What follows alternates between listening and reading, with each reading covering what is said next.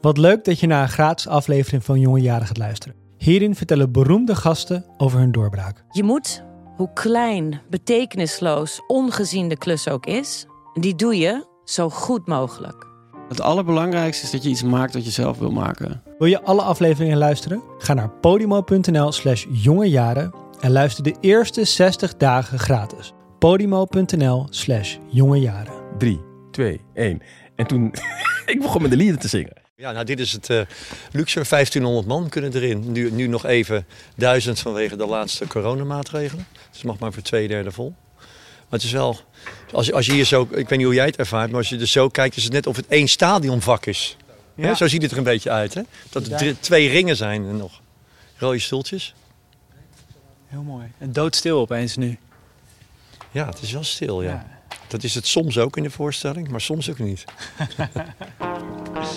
Welkom bij Jonge Jaren, waar beroemde mensen praten over de jaren voor hun doorbraak. Om zo hun succes te ontleden en jonge luisteraars te inspireren. Mijn naam is Ernst Jan Fout en in deze aflevering, je hoorde hem al even, interview ik Wilfried de Jong. En uh, eerlijk gezegd vind ik dat best spannend, want Wilfried is een groot voorbeeld voor me. Hij is een ware alleskunner. Hij schrijft boeken, heeft 20 jaar lang columns voor NRC getikt. Hij maakt theater, vernieuwende televisieprogramma's. Hij fietst belachelijk hard. Hij vertelt over zijn favoriete jazzplaten op de radio. Speelt zelf contrabas, uiteraard. Verschijnt overal goed gekleed. Presenteert het Oog op Morgen, is een trotse Rotterdammer. En bereikt in vrijwel alles wat hij doet de top. Zo behoort hij tot de beste interviewers van Nederland. Afhankelijk van hoe oud je bent ken je hem van 24 uur met, of van Petje op, Petje af met Matthijs van Nieuwkerk bij Holland Sport, of nog langer geleden als de helft van het cabaretduo Waardenberg en de Jong. Samen met collega Martin van Waardenberg was hij heel groot in de eerste helft van de jaren 90. En daarna zijn ze legendarisch geworden op YouTube. Uh, ik was veel te jong toen hij die sketches maakte, maar ik ken ze wel van YouTube. Bijvoorbeeld Pico Bello BV, 2 miljoen views. Of de politiemannen, 700.000 views. En nu zijn ze weer bij elkaar. Ze treden weer samen op. Ze hebben een ware zegenronde in hun thuisstad Rotterdam. En we nemen dit interview in september 2021 op in de kleedkamer van het Nieuwe Luxor, het grootste theater van Nederland. En Wilfried heeft dus net met Van Waardenberg de voorstelling gespeeld. Vast goede energie. En wat me het meest fascineert aan Wilfried is hoe hij alles tegelijk lijkt te kunnen doen. Van muzikaal theater maken tot boeken schrijven en van sportprogramma's presenteren tot de acrobatische acts met Waardenberg en de Jong. Ik vind dat zeer indrukwekkend, zeker als je bedenkt dat hij geen flauw idee had na de middelbare school wat hij wilde doen. Hij sloeg zelfs een heel ander carrièrepad in, eerste instantie als sociaal werker. Nou, hoe heeft hij deze keuzes gemaakt en wat kunnen we van hem leren over het vinden waar je aan wil werken en het combineren van verschillende typen werk? Wat is zijn geheime formule? Ik ga het Wilfried vragen en dat is best spannend, want ik ga iemand interviewen die zelf de kunst van het interviewen heel goed verstaat. Uh, je kunt het gesprek ook teruglezen op jongejaren.nl, maar voor nu heel veel plezier met luisteren naar de jonge jaren van Wilfried de Jong.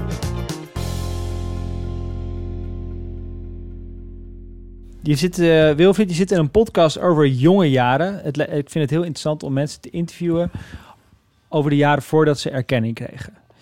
En um, ik zat naar jouw jonge jaren te kijken of wat daar bekend over is. En er viel me een groot verschil op met mijn vorige gasten, zoals Nazanin Char uh, of Claes Iversen, een modeontwerper. Die wisten meteen al wat ze wilden. Eigenlijk rond, allebei rond hun twaalfde en nog een paar andere die oh. ook, wisten ze gewoon, dit wordt het. Ja. Uh, en ik ga ervoor. Terwijl jij kwam van de middelbare school en je had geen flauw idee. Nee. nee. Je, bent, je bent naar, je bent naar kibbutz geweest. Ja. Het was een ding in die tijd. Ik denk dat ja, de luisteraars diende zich eigenlijk zo... Ik deed ateneum A en dan krijg je dus dat heel veel mensen om je heen zeggen... nou, ik ga Frans studeren of ik doe Nederlands of uh, psychologie, weet ik al niet wat. Um, in, in, in, dit is al even geleden. Hè. Ik ben uh, zo goed als 64 nu. Maar um, ja, ik, toen, toen, toen wist ik het gewoon niet. En, en met, met wat ik had gekozen aan, aan pakket...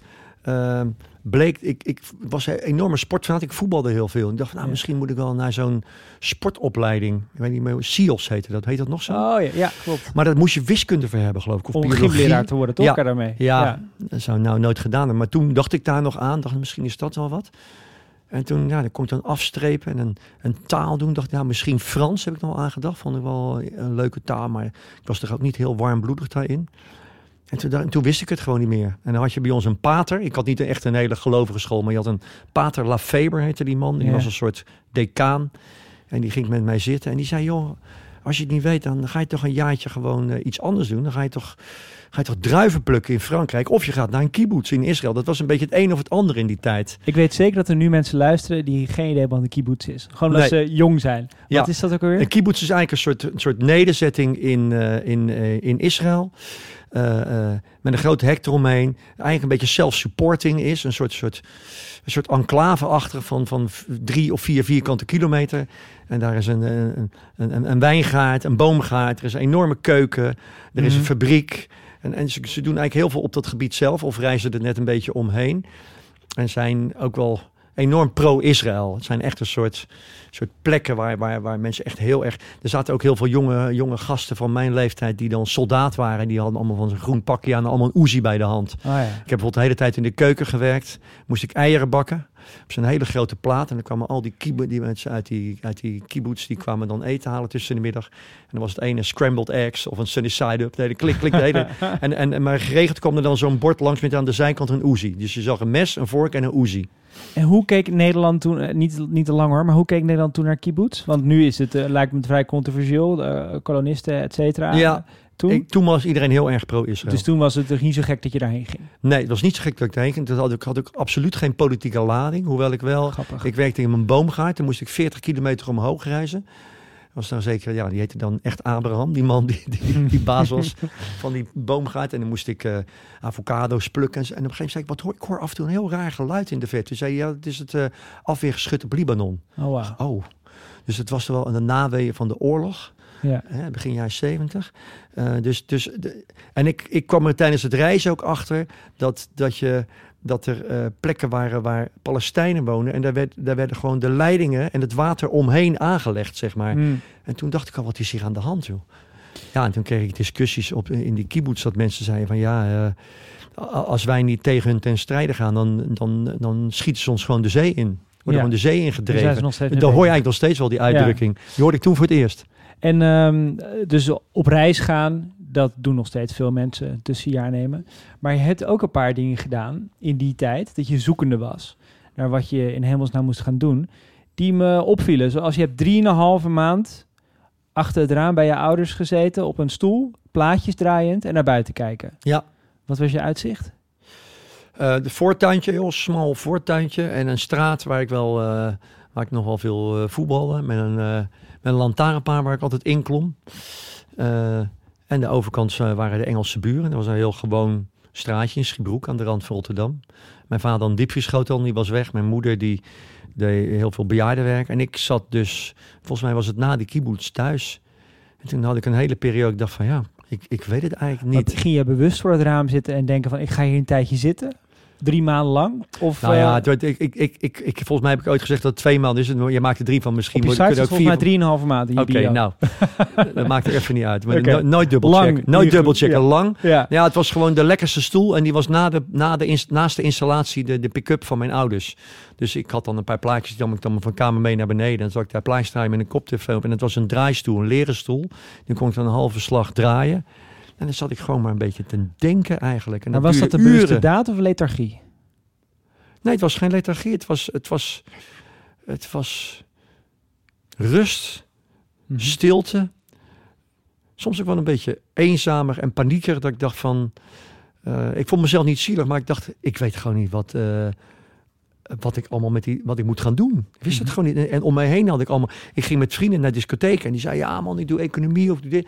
En, en, en ja, wat doe jij? Ja, ja ik, ben, ik heb in de kibbutz gezeten. Nou, wisten ze vroeger wel wat het was. Maar Mm. maar eh, dat was het dan wel, weet je. En, en ik deed heel veel uitzendbureauwerk om, om geld bij te verdienen. Ik werkte heel veel bij de post en ik heb tapijten gelegd. Ik heb in een glasunie gewerkt. Ik heb, dat er duizenden glazen flessen geblazen werden. Er stonden alleen maar Turken bij die hele hete oven. En dan kwamen die glazen, die bummel, die, die kwamen tikken, tikken, tikken, die kwamen eruit. En het enige wat ik moest doen, was aan de boven van die melkflessen, moest ik kijken of er geen scherp randje aan zat. En als die er aan zat, waren er gegarandeerd tien slecht geblazen. En die mocht ik dan heel hard in een gat gooien. Lekker.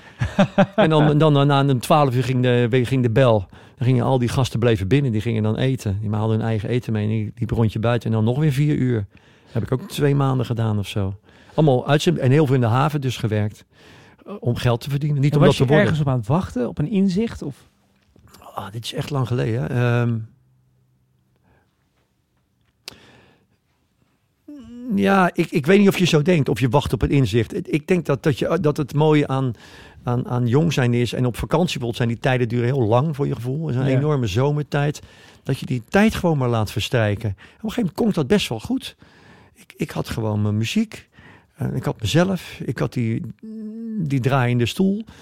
Ehm, de ouders waren weg. Ik had wat vrienden. In de weekenden ging ik wel uit. En ik had wat uitzendbureauwerk. En ik zat gewoon heel vaak op die stoel. Want wat me zo opvalt is, eh, ik weet niet of dat toen ook al was, maar nu zijn mensen op die leeftijd ongeduldig. Ik was zelf ook ongeduldig. Ik kwam meteen aan de bak, meteen wat. Als ik niet wist wat ik wil- wilde doen, dan ging ik maar gewoon wat doen. En dan keek ik wel of, dat, eh, of het iets aan de muur bleef plakken. Ja, Eh, ook wel gebaseerd op een soort ongeduld en een soort onzekerheid. Van ik moet wel aan de bak, want ik zie al die mensen om me heen ook hard werken. ja. Had je- had ik je- voelde me wel altijd een buitenbeentje eh, als ik met die, met die vrienden van mij omging. Want die hadden ook allemaal atenemen gedaan. En die studeerden allemaal. Dus iedereen, als ik in de discotheek Bikini was, die nog steeds zo heet. Eh, Volgens mij een beetje een ballentent. Maar dan, dan ging je daaruit en dan vroeg op een gegeven moment altijd wel iemand van... Wat, wat heb jij gestudeerd? Ja, Dag Mart, zie je morgen. Dan gaat Mart dan van Waardenberg. weer van Waardenberg. Ehm, dan, ja, wat, wat doe jij? En dan zei ik, ja, ik, eh, ik doe nog even niks. Of ik, eh, en ik had Ja. ook nog te maken met het feit dat ik in militaire dienst moest. Dat je dan ook. Hè? Oh ja. Dat zag ik ook nog als een grote zwarte wolk boven mijn toekomst hangen. En eh, dat, dat, daar ben ik ook, ik, daar, daar moest ik ook heen. Daar moest je verplicht heen. En daar ben ik, dat zag ik ook helemaal niet zitten. Daar ben ik, met een hongerstaking ook nog eens uitgegaan. Dat was ook nog een hele... Je bent met een hongerstaking Ja, uit ik heb er tien dagen ingezeten. Ik heb aan alles meegedaan. Ik zat in Amersfoort en deed alles mee, volle bepakking lopen. En iemand had mij geïnstrueerd. Ik zei, ja, ik ga niet 16 maanden vervangende dienst doen in plaats daarvan. Dat vond ik belachelijk in een bejaardentehuis werken. Ja. Toen dacht ik, ik, eh, ik probeerde gewoon uit. Ik moest zeggen, moet je hongerstaking doen. Heel veel water drinken, allemaal vocht tot je neemt de hele dag. Maar alles meedoen. En dan val je op een gegeven moment vanzelf flauw. En dan kom je eruit, want dan willen ze je niet meer hebben. Omdat Ik- ze denken dat je zwak bent. Ja, Dus je hebt niet verteld dat je nee, hongerstaking ik, het ik zei niks. Ik, praat, ik had één afspraak. Ik praat met niemand en ik doe aan alles mee. Dus ik weiger niks. Dus ik deed Ja. alles. Maar na, na, na een dag of zeven, acht of zo, in de, in de tweede week heb ik in het weekend nog thuis gezeten. Had ik een vriendinnetje, daar heb ik zelfs nog een patat voor gehaald om mezelf sterk te maken. Ik kook haar patatten, zelf had ik niks. in die geuren. En toen, en toen ben ik maandag of dinsdag weer en toen gebeurde er nog nee. En toen raakte ik wel een beetje in paniek. Ik denk, er moet toch iets gebeuren. Toen was er zo'n, zo moest je zo twaalf rondjes rond Cooper-test doen. Ik geloof dat twaalf Oh ja, rond een piepjes. voetbalveld. Dus met een Ja. bepaalde tijd. Ik dacht, nou, nu ga ik gewoon flauw vallen. Kan niet anders, want ik at niet. En toen, eh, toen werd ik derde van het hele peloton. En toen dacht hij, nou, toen zag ik het niet meer zitten. En toen heb ik s'nachts, of een uur, ik denk een uur of vier s'nachts, ben ik eh, uit mijn bed gegaan. En toen heb ik, ehm, heb ik mijn kop tegen de muur geslagen, ergens in de toiletten. En toen heb ik, had ik een scheermesje bij me, heb ik een sneetje in die, in die, in die buil gemaakt, waardoor ik ging bloeden, een klein sneetje.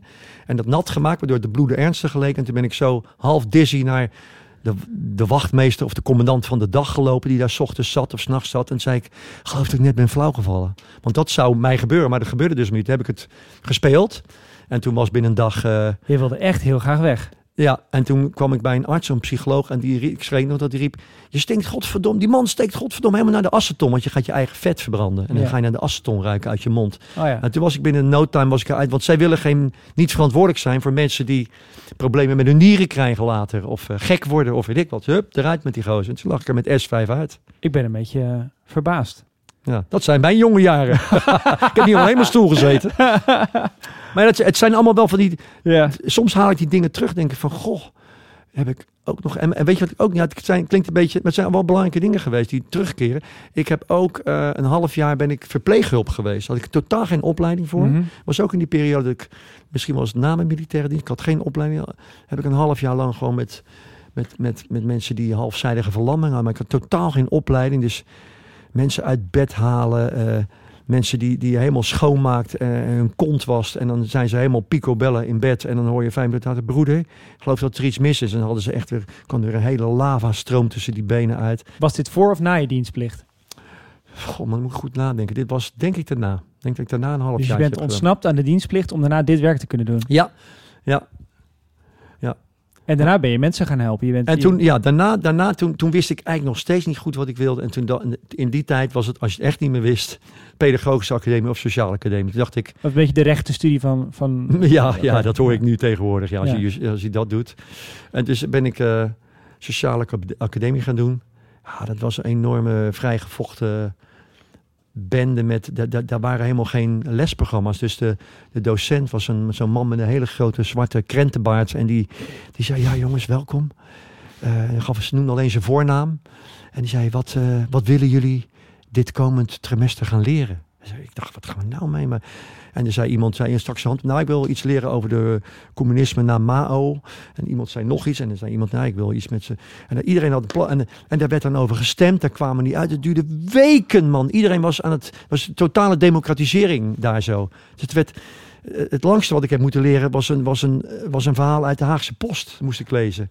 en voor de rest was iedereen alleen maar aan het vergaderen en aan het huilen. Dus oefening in geduld. Dat is heel belangrijk in de zorg. Ja, en ik was Ik- toch wel een beetje straight in die zin. Ik dacht, vond het toch wel een beetje gek dat er geen... Maar dat heb je wel afgemaakt. Heb ik wel afgemaakt, omdat het toch, ik, ja, ik kreeg er vrienden en toch al veel lol gehad. En op een gegeven moment kwam ik in dat welzijnswerk, kwam ik in tehuizen te werken. Dat vond ik eigenlijk wel leuk. En toen ben ik na mijn opleiding, eh, heb ik een tijdje met weggelopen jongens en meisjes gewerkt. Met die onder toezichtstelling krijgen van de kinderrechten. Dus zat ik hier in Rotterdam. Dat was je eerste echte was baan, mijn eerste toch? echte baan eigenlijk, ja. Hè, met jongens die eh 17 waren, eh, voor 30.000 gulden in die tijd aan de leren jeks hadden gejat en in de gevangenis zaten. En dan moest ik met die jongens en de ouders praten. Moest ik tegen hem zeggen, dat moet je niet meer doen, maar dat zei ik natuurlijk niet. Ik zei, je, moet het, je, je mag het voor mij blijven doen, maar je moet het slim doen, zei ik dan. Oké, dus eh, ateneum uit, kibbutz, eh, tijd op een stoel zitten, het leger ontsnapt. Ja. Ik ben nog steeds een beetje van, apropos dat verhaal. Ik visualiseer hoe je, hoe je die... Ik woog geloof ik nog 56 kilo. Ongelooflijk. En eh, dus je wist wel heel duidelijk wat je niet wilde. Toen ben je, de, ben je maar een studie ingerold en dat werk eh, gaan doen. Ja, dat was dat een overtuigende keuze of. Nee, ook niet? Nee, het was allemaal heel twijfelachtig. En toen begon eigenlijk al. Ik was altijd een jazzfanaat. Ik speelde contrabas en ook gitaar.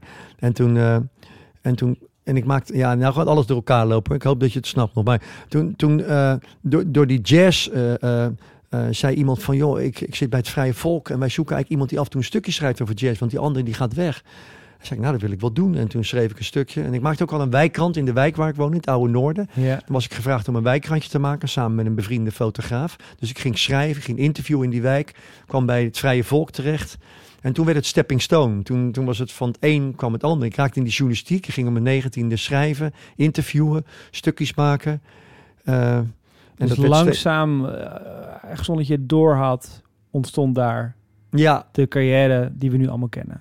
Want ja maar ook maar een deel daarvan. Want er zijn de verschillende poten eigenlijk. Hè. Je hebt, Ja. de, ja- eh, je hebt de, de, de, de journalistieke poot ontstond dus vroeg, zo op mijn negentiende, twintigste. En de heer van Waardenberg, die net vertrok. Die ontmoette ik ehm, op mijn, ik denk 8 of 29. Het had nog te maken met, met dat werk eh, eh, wat ik daarvoor had gedaan met, met die weggelopen jongens en meisjes. Die hadden elk jaar een kinderkamp. En toen vroegen ze van, eh, zou je mee willen op dat kinderkamp? Ik was volgens mij al gestopt met het werken daar, maar ik wilde wel mee. En zei, ja, er is nog iemand die meegaat. Die ken, die ken jij misschien, dat is Martin van Waardenberg. En ik zou jullie samen, jullie kennen elkaar niet, maar zou jullie samen die kinderen s'avonds een half uurtje willen vermaken met iets? nou, ik denk, nou, ik neem een gitaar of bas mee en Martin had dat bij zich. En toen hebben wij daar een soort travestie. Echt, we waren de gezusters Neus, heten we. hadden grote neuzen van onszelf al, maar we hadden pruiken op en speelden wij twee vrouwen. En dat vonden zij allemaal geweldig. En toen zei Martin, joh, ik, eh, ik ben net gestopt met een groepje in theater. Zou je met mij volgend jaar theater in willen? Dus je hebt tot je eind twintige jaren gezocht. En uiteindelijk zijn er twee dingen je overkomen in zekere zin. Iemand vroeg je, kan je stukjes over jazz schrijven? Dat was, dat was een passie die je al vanaf je tiende jaren had. Ja. En iemand vroeg, kan je naar een jeugdkamp waar je ja, je, je toekomstige wederhelft op het, op, de, op het toneel zou vinden? Ja. En ik speelde heel fanatiek bas al in die tijd, contrabas. Dus Martin zei, neem die bas mee. Dus die bas ging ook mee naar het theater. Dus had ik ook het muzikale deel zat daar ook weer. En wat ik nou zo fascinerend vind uit de carrière die daaruit volgde, die we, die, eh, die we allemaal kennen, is dat je. Ik ben af en toe, laat ik het eerlijk zeggen, ik ben af en toe jaloers op jou. Dat je zoveel tegelijk kan doen. Dat je dus en schrijver bent en dan meteen voor columnist, nou, tot voor kort voor de, voor de mooiste krant van Nederland. Dat je en interviewer bent en dat je dan het hoogste van het hoogste zomergasten mag presenteren. En passant als de koning 50 wordt ook mag komen opdraven. Dat je en cabaretier bent, eh, een acrobaat heb ik vanavond ontdekt. Eh, en dat daar ook eh, volle zalen mee speelt. Ehm, wat is je geheim? Ik wil ook wel zo'n diverse carrière. Ja. Ehm, nou ja, dat is met terugwerkende kracht. Hè. Eh, eh, ik kan een beetje omkijken nu inmiddels. Maar ik denk dat ik gewoon ehm, nooit zoveel keuzes heb gemaakt. Ik heb ook altijd echt een probleem met, ook met kleine keuzes. Ik, als ik, is het, zullen we dit of dat doen, kan ik heel lang over. Op een gegeven moment moeten mensen, kom op, ik wil nu horen, wil je dit of wil je dat? Weet je, ik kan echt twijfelen over iets. Ehm, en, en heel vaak heb ik dus ook geen, bes, heb ik best wel periodes geen besluit genomen en rolde er toch iets uit. En door geen besluit te nemen en, en niet de drift te hebben dat je maar één ding wilt in je leven, want dat heb ik eigenlijk nooit gevoeld, Mhm. zijn al die dingen die ja, mensen zeggen, ja, hoe, hoe heb je dit eigenlijk al gedaan? Dat weet ik niet precies. Maar alle dingen die ik nu doe, heb ik geen opleiding voor ook. Mhm. Ik heb geen opleiding voor theater. Ik heb geen opleiding voor schrijven. Wel een beetje contrabas geleerd. Maar voor heel veel, ik heb eigenlijk alleen maar, alleen maar sociale academie gedaan. En daar schaamde ik mezelf op een gegeven moment voor. Want het was gewoon een hele sullige opleiding in die tijd. En misschien nu nog wel. Ik ben er alleen later achter gekomen dat de dingen die ik daar gedaan heb, namelijk mensen spreken en goed luisteren, Ja. dat dat voor mijn interview wel van te pas is gekomen misschien. Eh, dat, dat heeft wel, wel meegeholpen. Maar, geen keuzes maken en niet één beroep. Ik kwam, ik kwam laatst eh, eh, in, bij mij bij de groenteboer iemand tegen. En ik denk, ik ken die kop. En hij zei, hey Wilfried, zeg, hey Michael. Die had bij mij op de la, eh, middelbaar, eh, wat is het, 13, 14 jaar, eh, is het, mi- middelbaar, middelbare school. middelbare school, ja. Maar nog lager zelfs gezeten, denk ik. Ehm, en ik zei, Michael, Scheffer volgens mij, jij wilde een heel mooi, je wilde een hele mooie vrouw hebben, je wilde rijk worden en je wilde arts worden.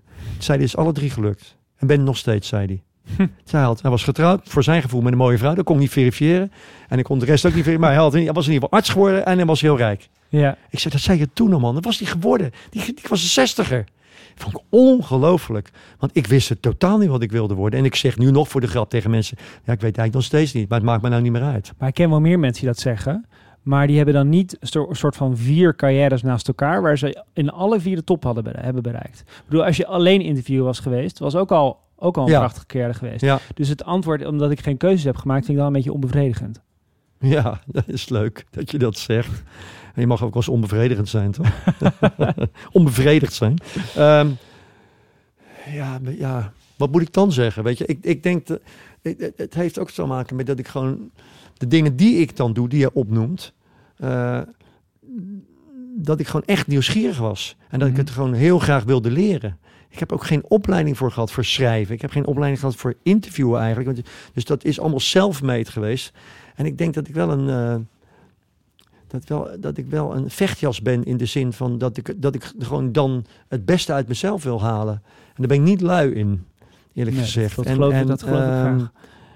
Ja, dat is dat is wel een, een nare trek hoor. Ik bedoel, niet, niet dat het naar is dat je gewoon heel goed wil interviewen of zo.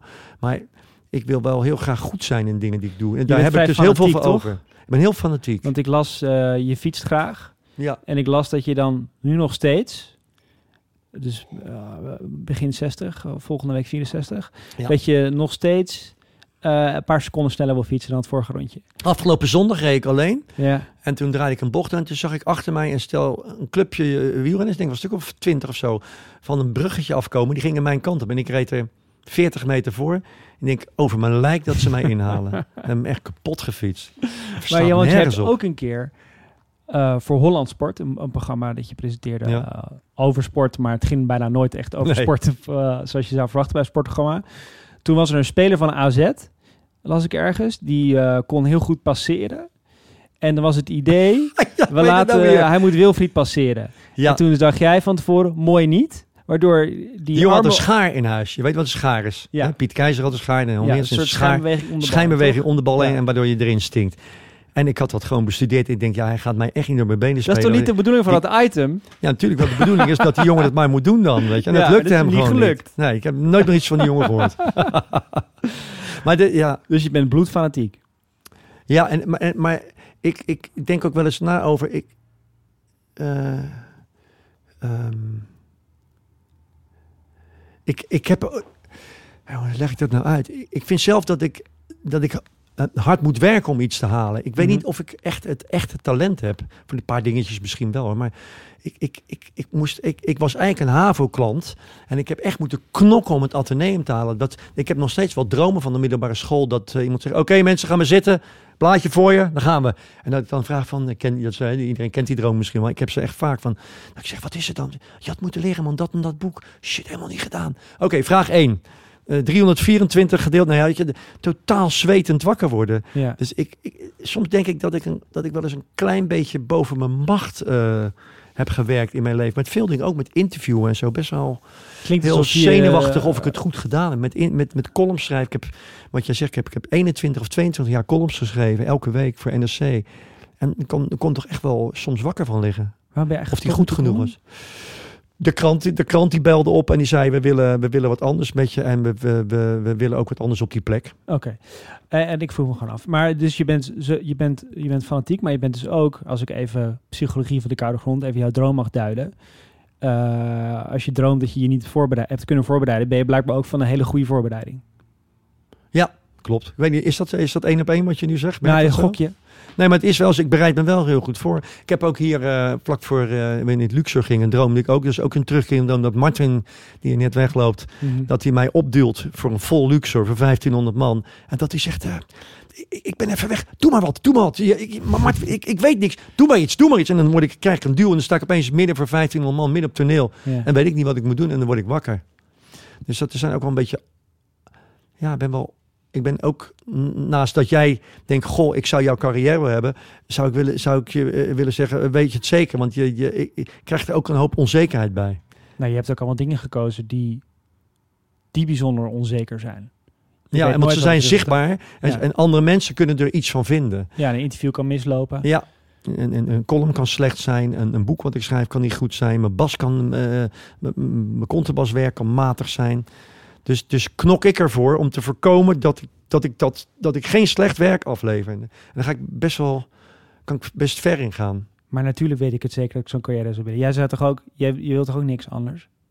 Nee, nee dit, dit, dit, dit is wel de consequentie van verschillende dingen doen in je leven, denk Ja. ik. Want als je, als je zoals Michael zegt, ik word arts, je, wordt, je doet die opleiding goed en, eh, en je wordt huisarts, ik weet niet wat hij wat hij van een arts is, nou, dan komt hij zijn tijd wel door en heeft hij, heeft hij ook wel een soort ontspanning in zijn leven. En die heb ik ook hoor, want ik ben nooit, dat is ook wel een geheim, denk ik, van dat ik vroeg achter kwam dat je veel verschillende dingen door elkaar kan doen. En als je jong bent, misschien nog wel extremer, kun je echt tropenmaanden maken. Ja. Maar je moet wel altijd eh, zorgen ehm, eh, dat, er, dat er ergens een plek is waar je weet, oh, daar heb ik rust.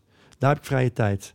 Daar hoef ik niks te doen. Ik heb altijd heel veel niks. Ik heb vandaag de hele dag niks gedaan. Ik weet niet, weet niet wat ik gedaan heb. De hele dag plaatjes draaien, krantje lezen, boek lezen en Ja. maar thuis zitten. Niks gedaan. Wandelingetje gemaakt. En vanavond hier anderhalf uur. Ik heb anderhalf uur gewerkt vandaag. Dat was het. Want je lijkt heel druk. Ja, dat zeggen mensen al heel hun leven over mij. Maar ik heb in de maand juli en augustus echt werkelijk... Ik geloof dat ik eh, het oog op morgen heb gedaan. En toen nog de column voor NRC, dat was het. Dus twee keer. Jij bent helemaal niet druk. Ja, ik vind dat ik heel veel... Niks. Maar de dingen die... Als, doordat je verschillende dingen doet... denken mensen dat het heel druk is. Maar een column schrijven voor NRC... dat, dat kost wel een zondagmiddag en een zondagavond. En het oog op morgen is een avond. Maar daaromheen heb ik gewoon... Heb ik gewoon heel veel vrije tijd genomen. Misschien hou je ons gewoon allemaal voor de gek. Omdat wat je doet, wat je dan wel doet, zo ontzettend zichtbaar is. Nou ja, mensen, mensen, eh, mensen zeggen van... eh Goh man, eh, hebben, zeggen ze, je bent helemaal druk hè? En dan zeg ik, wat bedoel je? Nou ja, hoor je dan op de radio. Ik zeg, joh, ik doe één keer in de week het oog op morgen. Dat, dat, dat kan je onmogelijk druk noemen. Als je vijf keer in de week... Bijvoorbeeld Rut Joost, waar nu ik mee, mee werk bij, bij Brom op Zee. Die, die werkt bij de VRT of bij de, bij de Vlaamse Omroep. Die moet elke ochtend tussen vijf en negen moet ze in Brussel zijn voor een live-uitzending. Dat vind ik hard werken. Je bioritme omgedraaid, dat heb ik niet. Nee. Ik Dus heb nooit- zorgt voor heel hebben veel eh, ruimte. Dat is ook de reden dat ik bijvoorbeeld nooit eh, dagelijks op televisie heb gewild. Nooit Omdat gewild. je niet je leven wil aanpassen op een Ja, werkritme. Ja, vind ik, helemaal, vind ik helemaal niks. Talkshow dagelijks, verschrikkelijk. En dan kwam toch wel bij een soort geheim dan dit hoor. Dus jij zorgt gewoon dat je heel veel ruimte hebt, dat je niet vastgepind zit. En ja, en nog een les van, vanuit van vroeger al, heel veel neven kopen. Heel veel neven kopen. Heel veel dingen waarvan je maar even twijfelt. Dat je denkt, ja, weet je, mm, ga je een tijdje, kan ik best wel lang twijfelen. Op een gegeven moment denk ik, twijfel te lang, doe ik het niet.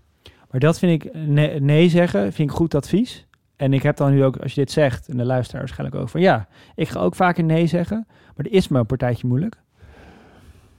Ja, ik denk dat luxe posities geworden bij mij, dat ik ook makkelijker nee kan. Sommige mensen zeggen, ja, ik moet dingen doen, want ik moet geld verdienen. Maar zei je vroeg in je carrière ook veel nee? Ja, ik heb wel heel veel dingen, denk ik, niet gedaan. Moet ik wel, het is lang geleden, maar eh, ik, ik, heb, ik heb echt niet alle. En ik heb gewoon, ja. Je, je kunt dingen ook zelf maken. Hè. Een boek kun je zelf schrijven. Dan ben je zelf de baas. Dat vind ik ook heel plezierig. Theater. Wij, eh, je, bent nu in, je bent nu in luxe geweest met duizend man in de zaal. En we staan hier vijf weken. Maar ik heb met Martin voorstellingen gemaakt. Dat wij naar uh, Hoge Zand Sappemeer reden. En dan zei de theaterdirecteur van een heel klein zaaltje. Ja, sorry, maar het is acht uur. Maar ik heb geen kaarten verkocht en er, komt, er belt niemand meer aan. Zei, nou, dan pakken we het spulletje in en gaan we weer naar Rotterdam. Mhm. Dat heb ik heel, nou niet, niet nul mensen, maar ik heb heel vaak voor vier, voor zes, voor twee mensen gespeeld. Hoe is dat voor iemand die zo bloedfanatiek is? Totaal niet erg. Ik ben, ik ben, ik eh, had ik toen al, heb ik nu nog steeds. Ik hou heel erg van het maken van de dingen.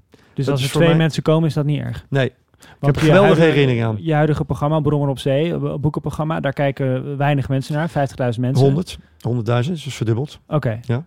Eh, Oké, dus je vindt het wel belangrijk als je me corrigeert? Nou ja, zeker. Dat het feitelijk moet zijn. En, Want eh, nee, en want er stond die- drie weken geleden in het AD stond 50.000. Zie Twee weken geleden. Je houdt het in de gaten dus. Ik ja, natuurlijk hou ik het in de gaten. Maar dat wordt Maar je, het, dat je je zegt wel ook dat je niet interesseert. Nee, maar, nee, maar het, het interesseert me wel in de zin van dat bij televisie is een soort massamedium. Dus wordt dat altijd wel meegenomen. Maar ik heb zoveel programma's gemaakt met weinig kijkcijfers. Dus ik weet, ik heb, eh, ik heb programma's gemaakt die niet meer te meten waren. Mhm. Een live, pro- live programma om half twaalf s'avonds was onder de, 100, onder de, onder de 30.000 mensen beland. Maar daar heb ik dingen, ge- van die uitzending dingen gedaan waar ik nog steeds heel trots op ben. en die heel, heel leuk waren. Ja, en die, waar je vast ook van geleerd hebt. Alleen ik vind het zo moeilijk voor te stellen dat iemand die altijd een paar seconden sneller wil rijden. Of eh, een spitser niet langs laten in zijn eigen programma. dat hij dan niet baalt dat er 50 of 100.000, pardon, inmiddels kijkers kijken. Nou, ik vind 100.000 voor het programma wat wij maken op dat tijdstip vind ik eigenlijk prima. Dat vind ik eigenlijk, dat is voor, eh, ik zei van tevoren, toen wij begonnen met dat programma, toen hadden we ma- maximaal aandacht. Hè, dan zit je in Mhm. talkshows en in de kranten en noem maar op. En toen keken er 127.000 mensen. Toen dacht ik, oké, dit is maximale aandacht. Dan halen wij 127.000 kijkers. Nou, dat is dan een beetje waar je, waar, waar je, waar je op moet gaan richten, denk ik dan. Daar dat is dan kennelijk de mensen die geïnteresseerd zijn in Ja. boekenprogramma's op dat tijdstip. Ja, dus dan, dan voel je niet de drang om, daar, om, om meer kijkers Nee, maar, ik heb een foto, fotografieprogramma gemaakt, wat ik een heel fijn programma vond om te maken. Keek ook 100, 150.000 mensen naar. Ja. Eh, ja, nog meer van dat soort programma's gemaakt. Dat, ja. Dus jij kan het hebben als fanatiekeling omdat je re- gewoon de hele realiteitszin hebt en denkt... Nou, ik kijk met plezier naar het programma en ik Ja. zie daar interviews waar, waar die me af en toe doen denken aan hoe televisie vroeger was. ja, eh, op een goede manier. Eh, en jij denkt dan gewoon, oké, 100.000 mensen, Ja. en daarom kan je ermee leven. ja, weet je, ja als, je, als je een hele grote, als je, als je een grote televisiester wilt worden met heel veel kijkcijfers, dan moet je het aan, denk anders aanpakken. Maar heb ik eigenlijk nooit zo Dat geambieerd. interesseert je niet. Het groot publiek interesseert je niet. Ik heb, een, eh, ja, ja, ik heb een keer, wat is het? 4 miljoen mensen gehaald met de koning. Ja. Wilde, ja, we- vond iedereen, wilde iedereen daar wat over horen. Maar ik heb gewoon ik heb geen enkel interview gegeven. Ik dacht van ja, ja het, het, het, het maakproces is toch eigenlijk, dat geldt voor dit ook met Waardenberg. Het, het maken van iets, het scheppen, komt voor mij wel op de eerste plek. En het is een interview natuurlijk ook, is ook scheppend. Dus daar richt je ambitie zich op. Op, op, de, op het maakproces. Ja, Plezier daarin. ja En met niet, schrijven eh, ook. Niet het, hoeveel mensen er naar kijken of luisteren of kopen. Nou, nee. Ik bedoel, ook ik, hou niet ik bedoel, kijk er best naar. Ik zal niet zeggen dat ik mijn ogen voor sluit. En probeer ook het maximale eruit te halen. Als ik een boek schrijf, wil ik ook dat het goed verkocht wordt. Maar ja, als ik een, een wielerboek eh, maak, eh, worden er, eh, wat was het, 60, 60.000 verkocht geloof ik Dat of is zo. ontzettend veel. Zeg je? Dat is ontzettend Dat is veel. ontzettend veel. Maar, als ik fictie maak, zijn het er 3000. Ja, En dat vind ik eigenlijk prima. oh, dat doe je ook nog. Maar als je, ik kan me voorstellen dat je nu zo op deze leeftijd en met de positie die je hebt, dat niet, niet meer zo, die, dat je dat niet meer hoeft te voelen. Dat je ook gewoon tevreden bent. Maar toen je jong was en dus in, wat was het, Hoge Zand Sappemeer voor twee mensen speelde. Hoe had je toen zoiets van, eh, droomde je toen wel van een groot publiek, groot bereik? Ja, wel groter natuurlijk. Hè. Eh, Ja, meer als je twee. theater maakt, dan... dan maar ik, ik weet wel dat ik, dat ik, dat ik eh, allerlei plekken ben geweest in kleine zalen. En daar waren er, kreeg, er komt zo iemand heen, toen zijn eh, 35 kaarten verkocht. En dacht ik, wauw, te gek zeg. Hmm. En er konden dan 150 in of zo. En dan had ik gewoon, eh, speelde ik een voorstelling met, met de grote Martin van Waardenberg. Mhm. En er gewoon heel erg gelachen door die 35 mensen. Gingen daarna nog stappen. En dan stond, ging ik met mijn basje weer terug in, in, in mijn kever. Moest ik drie uur rijden vanuit eens Groningen of Sneek. Of Middelburg, eh, anderhalf uur. En dan, en dan was ik gewoon gelukzalig. Reed ik om één uur s'nachts met mijn basje naast me. Met een oud kevertje terug naar huis. dacht ik, wauw man, te gek dit. Soms sliep ik ook s'nachts tegen dat. Dan eh, was ik moe als het een hele lange rit was. Ging ik even bij de Shell. Zet ik hem neer. Ging ik s'nachts slapen. Ik wakker, wakker getikt door agenten tegen het eh, raampje. Ik mag niet slapen, meneer. Oh, sorry. Ik vond het geweldig, man. Ja. Dan kwam ik om vier uur thuis s'nachts. Mijn basje eruit. En was ik gewoon gelukkig. Want even voor de zekerheid, wilde je beroemd worden? Nou. Ik kan me niet herinneren dat dat ergens in een, in een schriftje van mij staat. Ik denk dat iedereen. Ik geloof dat, Dat ik- was verbaasd als je ja had gezegd. Omdat je zo van het maakproces geniet. Ja. Ja. Is het lekker het- beroemd zijn? Vind je dat, geniet je er nu ja van? ik vind dat ik niet zo beroemd ben eigenlijk. Nou, je kan hier toch niet over straat Ik in kan hier wel over straat. Daar zorg ik wel voor. Ik luister naar een podcast eh, van eh, Nico Dijkshoorn, waar je met hem door de stad loopt. En dan heb ik wel het gevoel dat de stad aan je voeten ligt.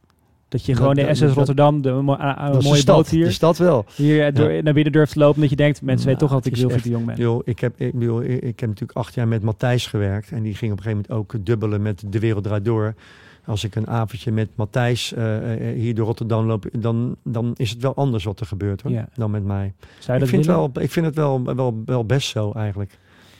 En het is ook, wat Ja, leuk is dat mensen... echt belachelijk goed voor elkaar, Wilfried. Maar ja, een soort nee, maar het leuke is dat- evenwicht gevonden. Dat is het ook. Dat is het ook wel. Maar het, het leuke vind ik ook van dat die, die eh, dat als ik in de stad loop, want ik ben wel geboren en getogen hier, dat dan kunnen mensen mij aanspreken op mijn voetbalclub toen ik 12 was. Dan spreek ik, zoals laatst die, die jongen van de middelbare school die ik tegenkom. Dan kan Ja. iemand over Waardenberg en de Jong beginnen, iemand over mijn NSC-column, iemand over mijn vrije volktijd, iemand over Radio Rijnmond vroeger. Er zijn allerlei verschillende dingen die ik gedaan heb. En het is maar net wie ik dan tegenkom eigenlijk. En dat vind ik wel heel leuk. Beetje ongrijpbaar misschien ook wel. Ja. Niet, dat- niet dat ik daarnaar streef, maar zo wordt het wel.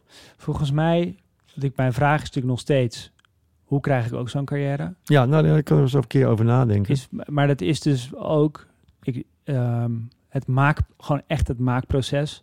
En optimaliseren eigenlijk voor het plezier dat je het maakproces hebt. Dat centraal stellen. Jij, ik hoorde Ja. jou in een interview zeggen dat je niet begrijpt dat mensen van mijn leeftijd ja zeggen als op één ze belt om dat te komen presenteren. Ja, dat moet, je, dat, dat, moet, je- dat moet je echt doen als je daar zin in hebt. En niet denken, oh, ik ga op één, want dan ben ik... Dan ben ik nee, dat, dat, dat moet je echt... Dat moet een drang zijn, toch? En niet ja zeggen omdat je bang bent dat, dat je een kans mist. Ja, dat vind ik stom, ja. Want ik denk dat er gewoon... Ik, ik, eh, ja, ik denk dat je beter die kans voorbij kunt laten gaan... en kunt wachten tot er iets komt waarvan je denkt... dat wil ik nou echt heel graag. Want heb jij zulke kansen laten schieten? Ehm, nou, ik weet wel dat ik... Ik, ik, ik, ben, ik, ben, niet, ik ben niet iemand type wat dingen afzegt. Dus ik, ik heb wel eens een keer gehad dat ik in een, eh, een, een, vrij grote rol in een speelfilm kon krijgen. Ik ben even kwijt hoe die jongen nou heette. Heine heet hij, die, die jongen die in Limburg veel werkt. Weet je wie ik bedoel? Die documentaires maakt ook. Hij had- maakt een speelfilm, Boer, mhm, heette die film. Had die, vroeg hij mij voor of ik dat wilde doen. Maar ik weet ook niet of ik er helemaal van overtuigd was of ik het moest doen. Maar, maar het had soms ook te maken met dat ik gewoon in mijn agenda dan had staan dat ik een toertje had met Okobar, met een band waarmee ik speelde. Ja. En zei ik gewoon, ja, kan niet. Kan niet in die periode. Maar je bent niet zo getest. Ik bedoel, ik denk dat je het wel een test kan noemen als een iemand is 30, 40 wordt gevraagd, wil je op één presenteren? Dat, dat, ik vond dat, dat een mooi voorbeeld dat je koos, want dat is een heel treffend voorbeeld van een hele grote kans waarvan jij zegt, laat hem vooral gaan als daar niet je passie ligt. Je bent niet zo getest. Eh, dit klinkt gewoon als ik kan een drukke agenda, dus ik ga die film niet doen. Ja, nee, zo extreem ben ik, ben ik niet, eh, niet getest. eh. Dus dit is voor mij, het is natuurlijk achteraf. makkelijk voor mij om, om, om die, die, die dingen nu te laten liggen. Ik denk als je, misschien als je 20, 30 bent, dat je ze, dat je ze wel moet grijpen. Maar, maar, maar ja, ik weet het toch niet hoor. Ik heb nooit het idee gehad. Ik heb, weet je, gek genoeg. Ehm, ik, ik werkte bij Radio Rijnmond, heb ik, heb ik ook een tijd gewerkt. Hè, mijn motorprogramma gehad op een motor. Ja. Het, dat waren ook altijd wel dingen dat ik denk, goh, als ik het nou weer moet vertellen. Van, goh, we hadden een, een zaterdagprogramma op een motor. Zal ik gewoon Regio uur- TV, toch? Zeg je? Re- regionale televisie. Reg- radio, radio. Ja, oh, radio. Ik ging radio maken, werd gevraagd aan Nico Haasbroek. Die was hier hoofdredacteur. Was een hele, Legendarische hoofdredacteur. hele, ja, een hele vrije kerel. Ik had ook goede mensen die...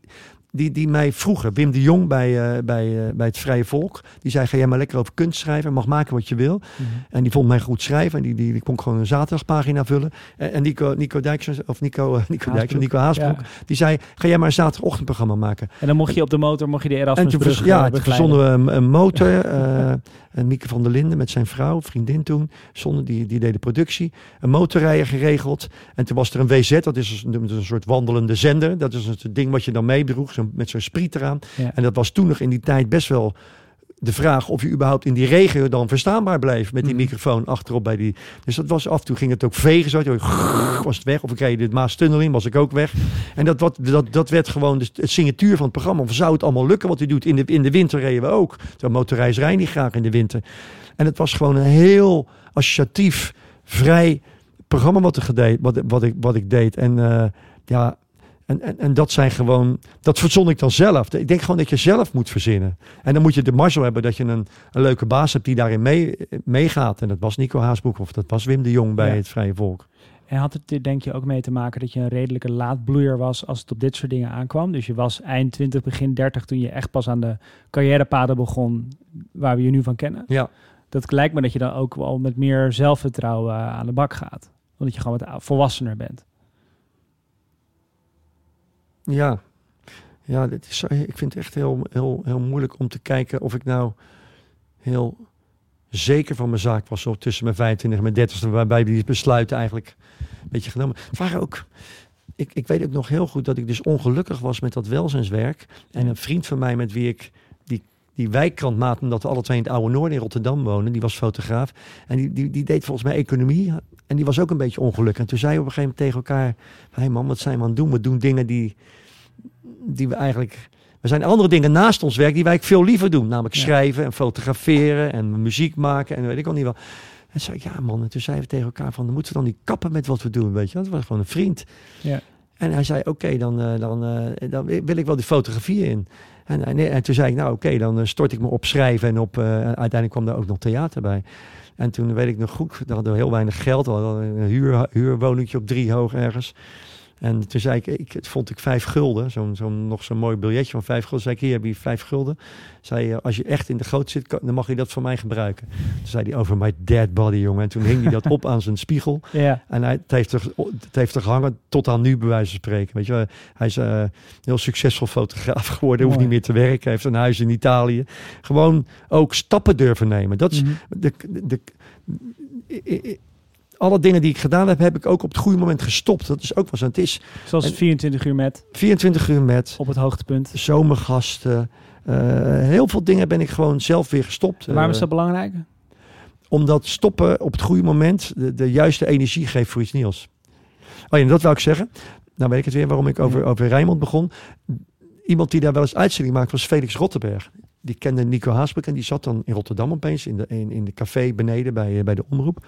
En toen kwam hij mij tegen, toen had ik dat motorprogramma. En eh, toen zei hij, hey, hoe is het? Ik, ik ken hem verder niet zo goed. Want Felix "Ja, Rottenberg goed." was in die tijd P van de A-voorzitter. Ja, of- was Partij van de Arbeid eh, voorzitter. Ja. Ja. Volgens mij. Ehm, ja, want we speelden precies rond die tijd, ja. En, eh, en toen, toen zei hij... en toen had hij zo'n heel dik, dik gezicht. Want hij, had- hij, had, hij moest volgens mij pretni, pretni, pretnisol, pretnison slikken. Ja. Ziek en zo. En, en toen zei hij, eh, gaat het goed? Zei ja. ja. Ben je druk? Zei ja, ik ben wel druk. Hij zegt, vind je het leuk al die dingen die je doet? Ik zei ja, ik schrijf en ik, ik maak nu een radioprogramma hier. En ik ben met mijn boek bezig en dit. Zei hij, hij zei, maar vind je het echt allemaal leuk? Ik zeg, ja, ik vind het heel leuk. Ik zeg, dat is goed. Ik zeg, hoezo? Hij zegt, nou, ik, ik heb periodes in mijn, mee- in mijn leven meegemaakt dat ik hard werkte, maar niet leuke dingen deed. En daar ga je aan kapot. En dat, vond ik, dat is wel echt een les voor mij geweest. Ik weet niet Ja. of hij dat weet. Voor mij was dat een heel belangrijke les. Niet iets doen met tegenzin. Want dan ga je Ja. echt aan onderdoor, lichamelijk of geestelijk, of je werk eh, ik begin leidt je. Formule de Jong wel een beetje door te krijgen. Hoor. Dus Ik plezier centraal stellen. Eh, veel nee zeggen, zodat je ruimte kan creëren voor de paar dingen die je wel echt goed wil doen. Eh, stoppen, zodat je nieuwe energie krijgt. Ehm, waar ik nog wel mee zit, iets waar ik dan zelf ook een beetje mee worstel, ik ben benieuwd of jij dat hebt, is dat hoe meer je in je werk steekt, hoe meer je in die mooie carrière steekt, des te meer ten koste moet gaan van iets. Heb je, als je nu Hoe meer je in je werk steekt, meer- te meer ten koste gaat het van. van bijvoorbeeld, ik heb een gezin, jij hebt ook een gezin. Ja. Eh, van mijn gezin. Heb je, eh, als je, heb je dat heb je het gevoel dat al die mooie carrières, dat je gezin daar ten koste van is gegaan? Of je privéleven, als je het breder trekt, vriendschappen? Nou, nee, ik, ik, ik weet wel dat, dat, dat misschien, nou, het was niet echt toeval. Toen, uh, toen Anneloek, toen mijn, uh, mijn vrouw zwanger was van mijn zoon, toen, toen speelde ik uh, speelde nog een voorstelling met Waardenberg de Jong. Maar toen zaten we een beetje op de wip. was ons zesde programma. We speelden al twaalf jaar met elkaar. Want die programma's duren twee jaar. Hè, het mm-hmm. duren twee seizoenen. Zaten we tegen elkaar te kletsen van, goh. We zeiden al, al, na, elke, na elke show zeiden we, kappen ermee of gaan we door? Zeiden, nou, we doen nog één. Weet je, en bij de zesde was, werd dat groter, dat probleem, van ja. gaan we door of niet. Toen was je eind 30 ongeveer, toch? Waar we nu uh, ja, klopt, was ja. 39 volgens mij. Ja. En, uh, en um, en toen zijn we gestopt en dat, dat viel ook heel mooi samen met Martin wilde iets meer in film gaan doen, wilde film schrijven en wilde wel meer acteren. En, en ik wilde eigenlijk iets meer in de journalistiek raken. Uh, en dat was wel heel fijn, want dat betekent dat toen Anneloek uh, vier, vijf maanden was, ben ik gestopt. En, en toen, toen, toen uh, mijn zoon geboren werd, toen was ik er gewoon. Heb ik heel veel met mijn zoon uh, op kunnen trekken. En heb gewoon echt heel die babytijd ook heel actief meegemaakt. Vond ik ook fantastisch. Je hebt heel veel vaders die een hekel hebben aan de babytijd, omdat die baby niet praat. Mm-hmm. Wat, wat ook klopt. Ja. uh, en dat baby op hele rare momenten slaapt. Maar dan vond ik geen enkel punt, want ik ging heel vaak s'nachts, als hij wakker werd, zei ik tegen Anneloek, blijf jij met pitten. En zet ik een jazzplaat op boven. En dan ging ik met hem dansen. Liep ik zo s'nachts gewoon. Zo keek ik uit. Ik woonde hier op de kop van Zuid. Keek ik uit over het water hier van de Maas. En was ik met mijn zoontje lekker aan het dansen tot hij weer in slaap viel. Dan dacht ik weer een mandje. Dus ik vond dat een geweldige tijd juist. En ik heb eigenlijk heel veel met mijn kinderen gedaan uh, in die tijd. Dus je kunt het allemaal hebben, zeg je eigenlijk. Nou ja, ook dat is een keuze. Hè? Dat, dat, je, uh, dat, dat, dat ik dacht van nou, we, we, krijgen een kind, daar wil ik, wil ik ook wel een mooie tijd van maken. In plaats van ervoor weglopen en mm. vijf dagen in de week in theater staan. Want dat lijkt me wel echt zwaar hoor. En dan geef je ook je portie wel echt aan je vrouw van zoek jij het maar uit. Mm-hmm. Nou, zo is mijn vrouw niet en ik ook niet. Je nee. kan heus wel eens een keer een periode te hard werken hoor. Dus je hebt in cruciale periodes heb je minder gedaan zodat je bij je ja. kinderen kon zijn. Ja, en, dat, en, ja, en, en kijk, schrijven. Bijvoorbeeld, ik heb een boek geschreven. En toen uh, was in 2000 mijn eerste verhalenbundel, fictie. Ja, dan zat ik gewoon heel veel thuis, thuis te schrijven. Ja, dan ben je natuurlijk ook veel makkelijker beschikbaar voor eten, drinken, spelen. Maar is er nou echt dan helemaal niks? Het klinkt bijna te goed om waar te zijn. Dat je uh, hebt moeten laten schieten in het leven. Wat, wat je wat je niet hebt kunnen doen, wat je wel had willen doen, omdat je die vier, vijf, ik ben de tel kwijt, carrières hebt en een gezin? Nou, ik zou het niet weten. Ik, kan wel, ik, ik, ik, weet wel dat ik, maar dat is iets wat, wat ik graag misschien had willen worden, maar waarvan ik zeker wist dat kan ik niet. Bijvoorbeeld uh, architectuur. Ik zou wel graag architect geweest of graag gebouwen getekend. Dan heb ik hier nog een paar betere dingen neergezet in Rotterdam dan wat er nu wordt gebouwd. ja. uh, maar maar dat, dat, daar was ik gewoon niet goed genoeg voor. Dat kon ik gewoon niet. Dat kan ik gewoon niet. Ik kan om, Ben je, zijn er dingen mislukt die je hebt geprobeerd? zijn er Grote, dingen? grote mislukkingen geweest, denk ik, die pijn hebben gedaan? Ehm,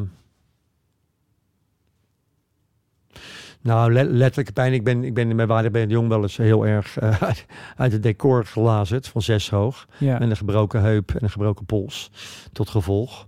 dat is dat het enige wat ik kon vinden. Want dat was in 1994, toen je dus, en toen was je er een tijd uit.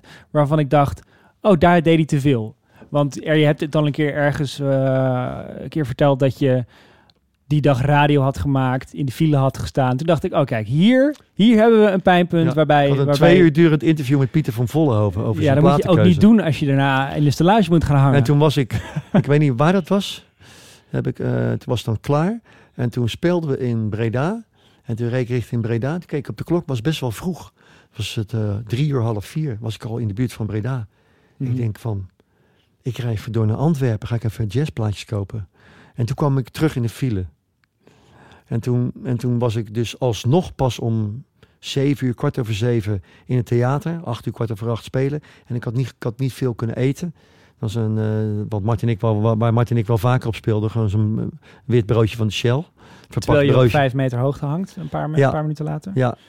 En toen eh, kreeg ik heel snel kramp na 30 seconden. Dus dat, dat kan inderdaad daarmee te maken hebben. Dus je bent wel eens gestraft voor je gulzigheid in het leven. Ja, ik ben, ben- ben gestra- gestraft voor mijn, voor mijn energieke ge- gedrag. Dat ik zin heb in de dingen. Ik heb bijvoorbeeld, ja, niet, ik wist dat jullie kwamen. Ik, ik denk dan niet van, ik heb, geen, ik heb ook ik, dat ik gezegd, ik heb geen zin in een interview. Fotografen die, die zeggen van ja, sorry hoor, ik heb maar vijf minuten van je tijd. Zeg, wat een stomme antwoord man. Je moet gewoon net zo lang doorfotograferen met mij tot je van mij een goede foto hebt. Ja. We gaan er gewoon anderhalf uur voor nemen. Vind ik ook veel leuker, want dan krijg ik contact met jou. En ik denk dat de foto beter wordt. Ja.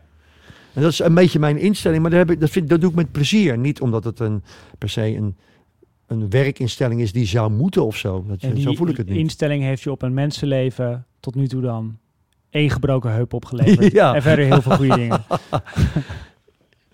Ja, en ook wel veel. ehm, ik denk wel door die verschillende dingen die doe. Waar, waar ik last van heb, is. De, waar, waar, ik, ja, waar ik last van heb, wat wel verdriet doet soms, is de onzekerheid. Daar heb ik wel echt last van. Mhm. Heel mijn leven. En dat wordt. eh, naarmate je ouder wordt, wordt dat erger. Erger. wordt niet minder. Mensen denken, nou, ik krijg steeds meer ervaring. Dus de, ja, de onzekerheden over dat je denkt dat dingen voorbij gaan in het leven. Of dat je niet meer zo goed bent, of dit en dat. Of dat je iets, iets begint en denkt, dit kan ik eigenlijk helemaal niet. Dat dat allemaal minder wordt, maar dat heb ik niet. Ik kan, ben, nog, ben nog steeds... Ik moest deze week eh, Alfred Schaffer interviewen Mhm. Voor, voor Brommer op Zee. Dus een, sch- een dichter, een- dichter. die in Zuid-Afrika woont. Mijn hij komt uit Leidschendam. 600 pagina's volledig werk gelezen. Ik kreeg de PC Hoofdprijs. Ik heb al die gedichten gelezen. Ik snapte heel veel gedichten, snapte ik niet. Nou hoef je ze niet te snappen. Ik zag er wel mooie woorden in. Maar hij maakte me wel ernstig zorgen over hoe je daar een interview mee doet. En slaap ik dan... Ik slaap wel acht uur, kan goed slapen. Mhm. Maar ik word er wel onzeker van om het te doen. En dan kom ik aan op mijn werk en zeg ik ben onzeker. Ik weet het niet, ik ben zenuwachtig. Ik vind het fascinerend dat je zenuwachtiger en onzekerder wordt naarmate je ouder wordt. Vaak hoor je het juist andersom. Ja. Een chirurg wordt steeds ja, tot zijn handen beginnen te trillen. ja, ja, ja Maar- die heeft dus die onzekerheid dat zijn handen gaan trillen. Ja, fair enough. Wil eh, iemand... Maar is dat bij jou ook zo? Dat je bang bent dat, je, dat het je in de steek gaat laten dan? Nee, nou, ik, ik, ik hoor van mijn leeftijdgenoten en ook wat jongere mensen om me heen, vijftigers, ik ben dan een zestiger, hoor ik wel mensen zeggen van, eh, van ja, ik ben er wel een beetje klaar mee met de dingen. Mhm. En ik denk, gaat dat ook komen? Dat je op een gegeven moment denkt van, nou, ik hoef niet meer zo nodig in theater, ik hoef niet meer nodig een stukje te schrijven. Dat, je, dat gaat natuurlijk ook komen. Ja, maar nu nog niet. En dat is lekker, lijkt me. Want dat, toch, dat, eh, dan blijf je het leven omarmen. Maar dit li- klinkt, en daar krijg je, het klinkt wel als de keerzijde daarvan, is dat je dus, omdat je maar blijft doorgaan, jezelf blijft uitdagen, wel die onzekerheid groter wordt. Ja, maar dan, weet je, ik had zo'n twee jaar zoiets, dat ik dan, twee jaar geleden zoiets van, oh, het wordt, het wordt wat rustiger. Nou, ik doe mijn column, ik doe het met het oog op morgen en ik heb zo'n wat losse dingen. En toen dacht ik, oh, dat wordt, wordt wel een rustig jaar. En dan opeens dan komen er toch weer dingen om af waar je denkt, god, dat is wel heel erg leuk. Een boekenprogramma is wel te gek om te maken. Weet je? Ja. Nu, eh, nu, nu zijn er weer plannen om die film van toe, om daar een vervolg op te maken. Ja, dan zit ik met, met en Wim Opbroek, die ik daar heb leren kennen, Vlaamse acteur. Daar werk ik dan weer mee, weet je. Dus er, komen altijd onverwacht weer dingen op me af. Dat is ook als je, als je een breed spectrum maakt in jezelf. Dat, ik denk dat het gevaarlijk is als mensen in hun jeugd zeggen, op hun twintigste, ik word dit. En daarop inzetten kunnen ze wel heel goed worden. Mhm. Maar op een gegeven moment kan, kan dat ook stilvallen door dat je ontslagen wordt of dat je een fout maakt, dat je eruit ligt. ja. En als je dan alleen maar het ene bent, hoe kan je dan nog iets anders worden? Mensen zeggen, goh, jij kan op zoveel dingen terugvallen. Ja, dat heb ik er wel, heb ik niet zo bewust gedaan. Maar het is wel zo dat als je dat spectrum wat breder maakt, ik denk dat mensen vaak wel meer dingen dan, dan één ding kunnen, toch? ja, dat zeg je. Maar tegelijkertijd ben je dus wel steeds onzekerder. Terwijl je die goede positie Ja, hebt. dat is dus eh, dat is het grote nadeel. Maar wordt het moeilijker ook? Betekent dat het onzekerder wordt, dat, je, dat, je ook, dat het ook moeilijker wordt? Nou, ik merk bijvoorbeeld, nu ben ik nu met een boek bezig al een tijd. Fictie. eh, en, en, en vergeleken met twintig jaar geleden, fictie schrijven, nou waren dat wel korte verhalen. Nu wil ik iets langers maken, een beetje novellenachtig. Merk ik wel dat dat wel echt een lang gevecht is met het papier, ja. En denk ik, hoe komt dat nou? Heeft dat nou te maken met dat ik misschien niet goed ben in novellen schrijven... en dat ik gewoon korte verhalen moet blijven doen? Jij kent Harminke Mededorp, dus mijn Ja. vaste redacteur. Die zegt altijd, ja, Wil, je hoeft het niet te schrijven, hè? Een, een roman of een novelle. Jij, jij kan heel goed korte verhalen schrijven. Kan je ook blijven doen. Maar ik wil dan toch één keer in mijn leven een novelle schrijven of zo. Ja, je blijft het jezelf gewoon moeilijk maken. Je organiseert je eigen onzekerheid. Ja, ja want dan zit ik, te, de, ik heb ik nu eh 15.000 woorden en dan zit ik tegenaan te kijken en ik vind ze niet goed genoeg. Maar is die onzekerheid schadelijk? Is je interview met de Nee. dichter minder goed geworden daardoor? Nee, ik denk zelfs, maar dat, dat is dus het lastige. Ik denk dat zelfs de twijfel en onzekerheid. Ik, ik was vroeger op de, op de middelbare school was ik ook onzeker. Ik weet wel dat ik zo'n periode had dat ik altijd een rode kop kreeg als iemand te lang naar me keek. Mhm. Het is een meisje, of het maakte niet uit. Als ik als in lessen, als iemand te lang naar me kreeg, of in de pauze, ik kreeg gewoon heel rood. Steeg het echt als ik, ik weet niet wat een opvlieger is, maar Ja. ik kan me voorstellen dat het dat gevoel is. Dat het Ja. zonder dat je het wil, komt het, stijgt het naar je hoofd. Dat had ik en dat zit nog steeds wel een beetje in mij. Dus dat.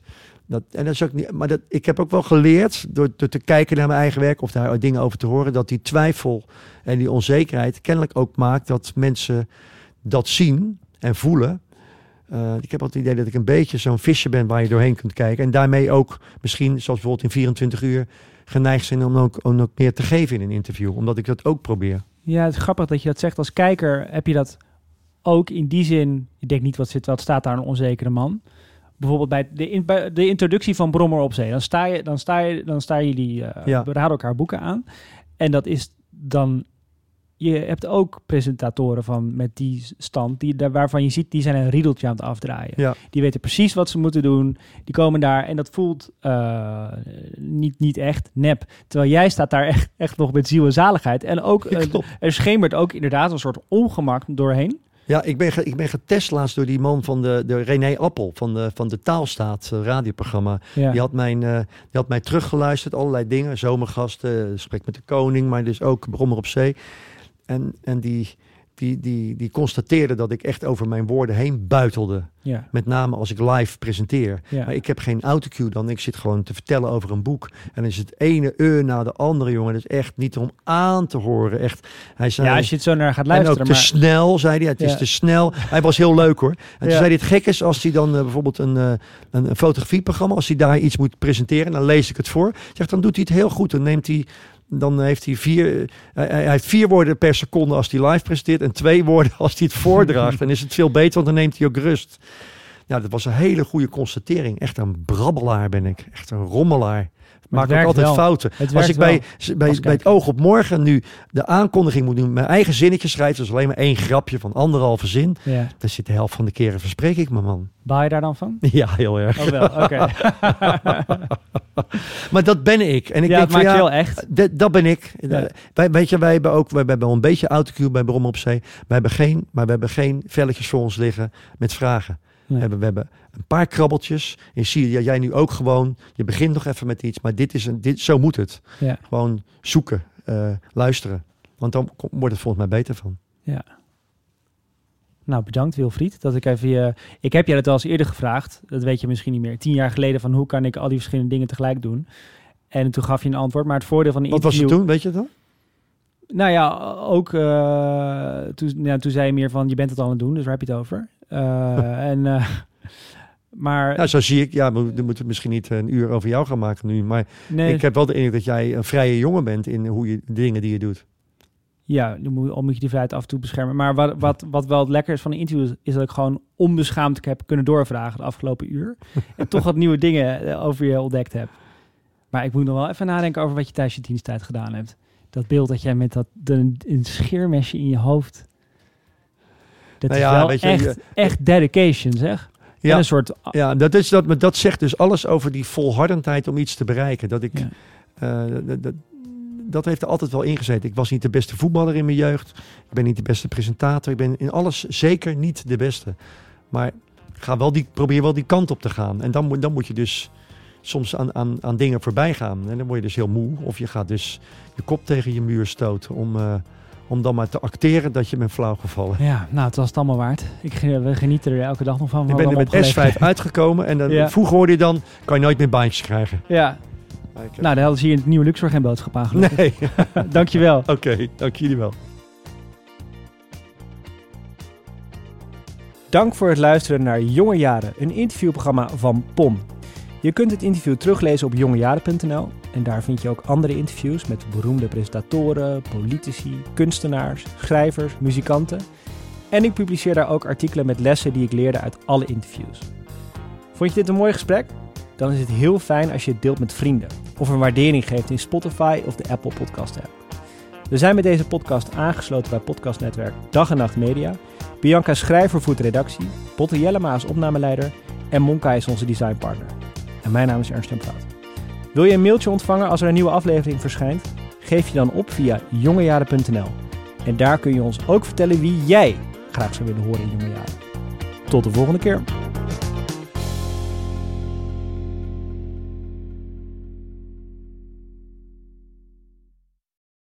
Wil je meer afleveringen van Jonge Jaren horen? Ik heb nog tientallen andere interviews met inspirerende makers opgenomen. Ga naar podimo.nl slash jongejaren en luister 60 dagen gratis.